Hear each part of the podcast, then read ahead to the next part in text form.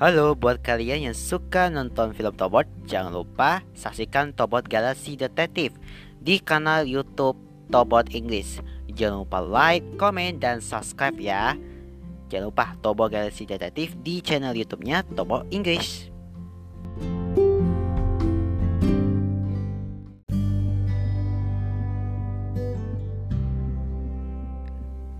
Di season 2 kali ini kita akan tampil dengan lebih beda, lebih baru, dan lebih seru Menceritakan sebuah pengalaman kisah di Bali Tyler dan peristiwa.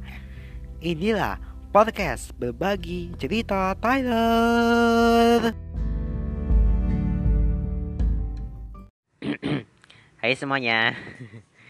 Selamat datang di podcast berbagi cerita Tyler Barang aku, Mereka Saputra dan Tyler King Yang sudah bergabung lewat video call. Kali ini kita mau ingatin lagi ya guys bahwa pandemi ini terus mengancam bagi kita semua. Kita harus mematuhi protokol kesehatan yang ada seperti menggunakan masker, menjaga jarak, mencuci tangan dengan sabun, menghindari kerumunan, membatasi mobilitas dan interaksi. Tetap sabar menunggu menunggu giliran vaksin dan jika sudah divaksin, jangan abai guys, tapi protokol kesehatan agar kita terbebas dari pandemi COVID-19 ini. Dan hari ini adalah bonus track karena kita akan mempersembahkan sesuatu program terbaru di bulan Juli. Setelah kita mendapatkan respon terbalik dari kita dan Tyler dalam program berbagi cerita Tyler, melalui, melalui buku maupun kita pakai seperti sekarang ini. Namun hari ini program ini akan sekaligus mengedukasi, sekaligus memberikan keakuran dan juga persahabatan antara kakak dan beradik ini. Dan dia adalah uh, mereka geng goblin ya. Dia sebagai karakter film dia ini adalah kakak ya kakak dan beradik ini memang sangat tidak terpisahkan. Walaupun pesahabat itu akan selalu uh, apa ya hmm, aman lah ya. Dan mereka adalah Koko dan Candy. Nah ini Koko ini adalah uh, karakter adalah kakak laki-laki dari Candy dan Candy adalah adik perempuan Joko. Nah, sebelum kita memasuki uh, Koko dan Candy ini, guys, kita akan bahas dulu sedikit yang berbeda. Jadi, tahukah kamu, Koko dan Candy ini adalah saudara kembar fragmental atau biasa disebut juga dengan kembar zigotik yaitu kembar berbeda kelamin. Nah, Ya, itu disebut dengan kembar plamenta atau kembar yang berasal dari telur yang berbeda. Jadi Koko itu adalah kakak laki-laki Candy dan Candy adalah adik perempuan Choco. Choco itu kan uh, anak yang memiliki emosi yang sangat meluap-luap dan hanya adiknya Candy yang dapat menenangkan kakaknya. Jadi apakah kalian aku dan saling mengisi satu sama lain dengan saudara kalian? Semoga kayak aku ya. Jadi kita akan membahas uh, hmm, Koko dan Candy ini memang karakter yang sangat kita suka dan kita menggambarkan sesuatu yang luar biasa. Jadi kita ada fakta-fakta menarik tentang Koko dan Candy guys. Jadi Koko dan Candy menyebut dirinya mereka dengan tim Goblin. Nah ternyata Goblin ini adalah makhluk sosok sok makhluk legenda yang terkenal di Korea atau yang lebih kenal dengan nama Doaigebi. Dokaibi itu adalah atau goblin dipercaya sebagai salah satu roh yang memiliki kemampuan dan kekuatan yang tidak biasa. Dia sering kali menggunakan kekuatannya untuk menyihir, menggoda, sambil mengejek, maupun dalam beberapa kesempatan untuk memberikan bantuan pada manusia. Dokaibi ini biasanya disebut muncul di sebuah sudut ruangan yang gelap, lembab, dan juga menakutkan. Ia kebanyakan muncul pada malam hari, namun dalam beberapa kesempatan ia juga muncul pada siang hari saat cuaca berkabut karena hujan. Oh, yang satu ini terkenal karena keusi akan keusilannya ya. Ia menikmati tindakan saat melakukan trik pada manusia, mencoba merayu dengan berubah menjadi wanita cantik yang lainnya. Oh, ini juga suka menyanyi dan menari loh. Dan kan ini mereka menunggunya dengan geng tim Goblin. Wah. Dan program ini kan terbaru dari kita kita mempersembahkan sesuatu yang mungkin kalian tidak terbiasa ya. Dan dia akan berbagi cerita kepada kalian. Nah, untuk tahu lebih jelasnya, nantikan ya.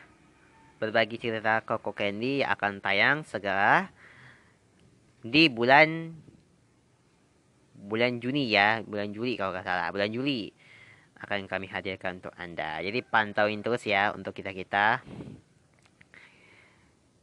Kita sudah uh, ada beberapa fakta dari Kokoda Candy yaitu kembarannya. Dan kita sudahi dulu ya untuk podcast kita kali ini. Tapi sebelum itu, ada satu fakta yang menarik nih guys sebelum kita menutup kit episode kita jadi uh, ini kan Bangka Belitung itu kan terkenal dengan hamparan pantai terindah yang dapat memanjakan mata siapa pun. Tapi selain pemandangan indah, tahukah kalian apa saja sih fakta mengenai pantai? Inilah fakta vitamin C.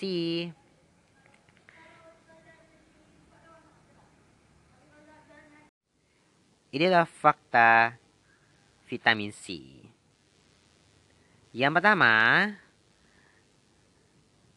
yang pertama adalah mendapat vitamin D yang cukup.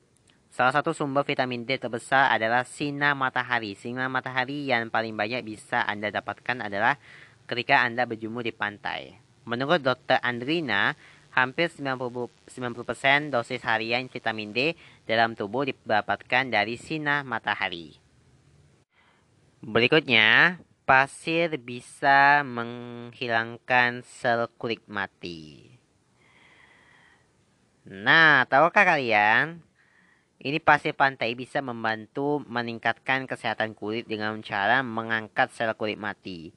Hal ini karena pasir basah memiliki tekstur lembut yang bisa melupas melupas sel-sel kulit mati di tubuh Anda. Lalu pasir tersebut juga bisa menjadikan kulit lebih lembut dan cerah. Mengurangi depresi. Banyak penelitian yang menyatakan bahwa seseorang akan lebih bahagia ketika berada di cuaca yang lebih hangat ketimbang mendung atau hujan. Secara alami, sinar matahari memang bisa membuat manusia lebih bahagia dibanding air hujan. Dan fakta yang menarik, menurunkan berat badan. Fakta membuktikan berjemur di pantai juga bisa menurunkan berat badan lewat air keringat yang keluar. Hal ini sama saja dengan berdiam diri di dalam sauna. Namun dengan cara yang lebih alami dan menyenangkan, bagi teh juga e, membuat Anda bergerak lebih banyak ketimbang Anda berdiam diri di dalam rumah. Bagi kan biasanya akan melibatkan aktivitas fisik seperti berenang, jogging, atau bermain air di tepi pantai.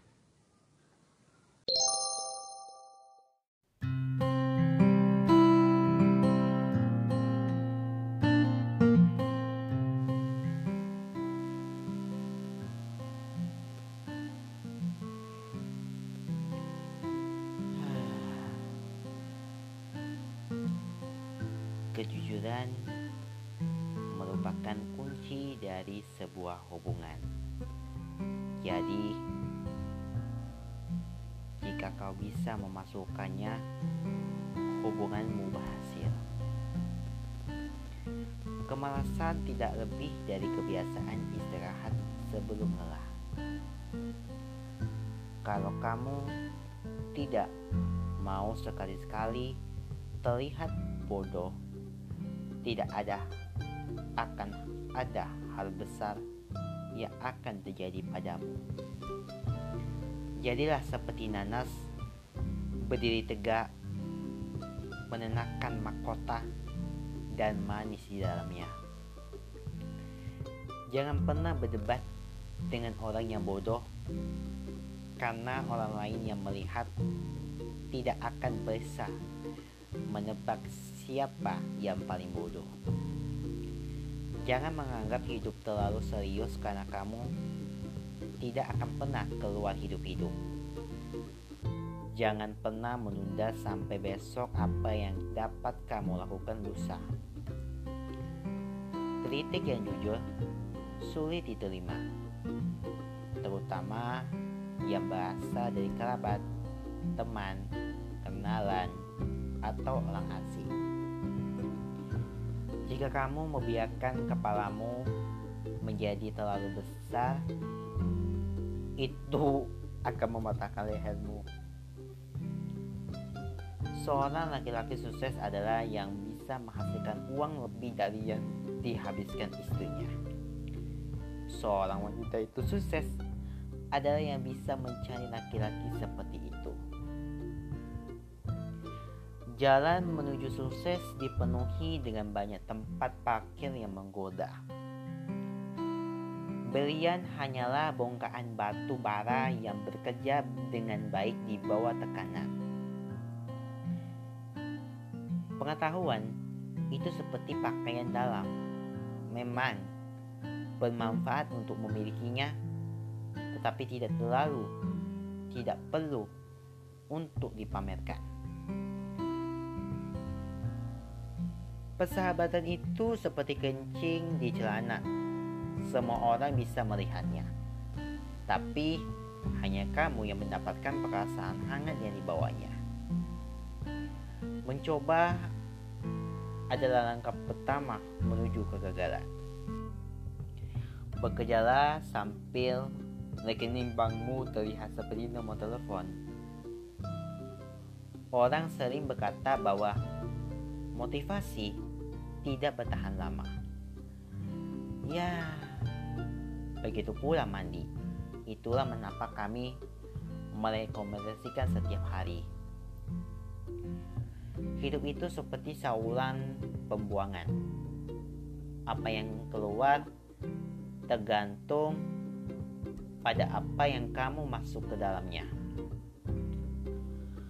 Aku tidak gagal dalam ujian. Aku baru saja menemukan 100 cara untuk melakukan kesalahan. Aku dulu berpikir saya ragu-ragu, tapi sekarang aku tidak begitu yakin. Kebahagiaan hanyalah kesedihan yang belum terjadi. Cara terbaik untuk mengajari anak tentang pajak adalah dengan mengkonsumsi 30% es krim mereka. Semuanya berubah orang-orang menganggap serius komedian dan politisi sebagai lucu. Tidak apa-apa jika kamu tidak menyukaiku, karena tidak semua orang memiliki selera yang bagus. Jika kamu terlalu berpikiran terbuka, otakmu akan rontok. Cara terbaik untuk menghargai pekerjaan adalah membayangkan dirimu tanpa pekerjaan. Jika kamu berpikir tak ada seorang yang pun yang peduli padamu, cobalah mengunggah hutang. Saat hidup memberimu lemon, celipatkan airnya ke mata seseorang.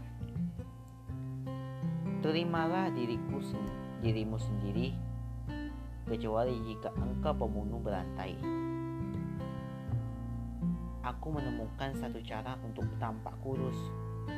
Bergaulah dengan orang-orang gemuk.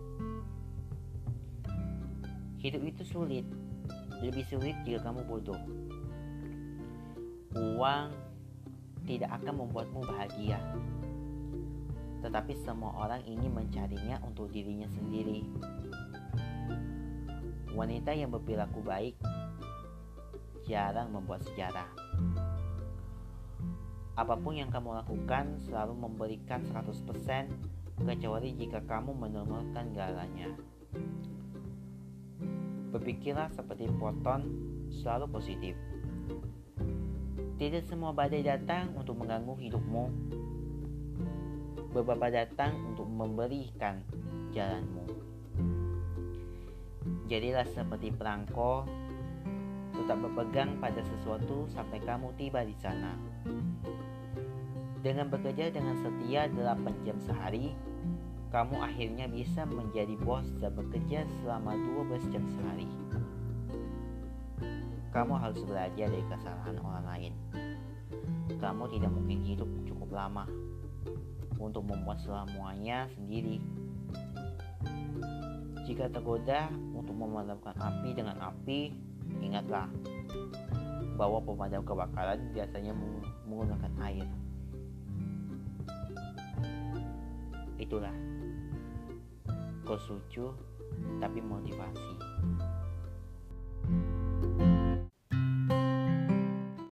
Ya, kita sudahi dulu ya perjumpaan kita kali ini. Tapi sebelum kita menutup, kita ada sebuah puisi yang dibacakan oleh saya sendiri. Bagaimana kesu bagaimana puisinya? Berikut cuplikannya yang sekaligus menutup perjumpaan kita pada hari ini. Saya Sebuah pamit. Terima kasih. Sampai jumpa. Salam hangat dari Pekanbaru. Sampai jumpa.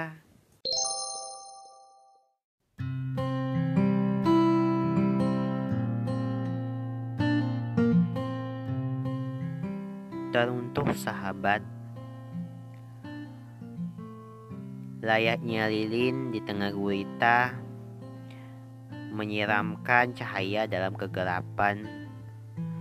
Seperti mentari di pagi buta menghantarkan sinar kehangatan, mengusir kebekuan, bagaikan bintang yang mewarnai malam, yang tak membiarkan rembulan mengangkasa tanpa teman, membawa keceriaan dan kesetiaan.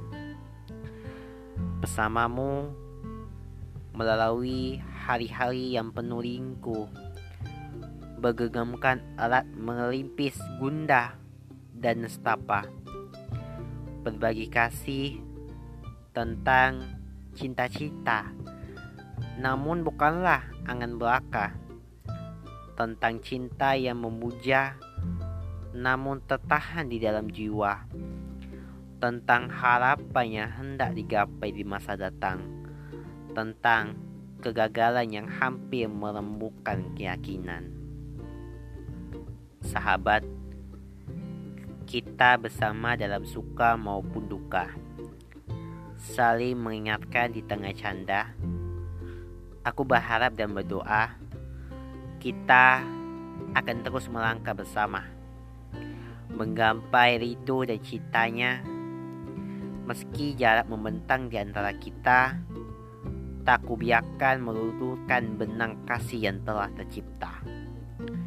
Sahabat, Terima kasih untuk segalanya dan biarkanlah kisah kita terus terangkai. Kini, esok, hingga masa depan, aku bangga dapati dirimu seadanya. Kupikir pantaslah dirimu kutemani. Aku bahagia, sungguh ingin ke terurai katanya. Kaulah sahabatku Bila hari-harimu tertimpa bahaya, kudoakan kasih bagimu. Bila hari-harimu dilanda duka, kudoakan harapan bagimu. Bila hari-harimu berlarut cerita, kudoakan damai bagimu. Selama matahari masih terbit dan tenggelam, selama panas dan hujan masih seri berganti, selama bulan dan bintang di langit masih bercahaya. Akulah sahabatmu, biarmu kita tak mungkin bersama, sendirikan kurangkai kasa, sendirikan kususun cerita, berjalan terus menggapai cita dalam satu asa dan doa. Bahagia menyertaimu selamanya.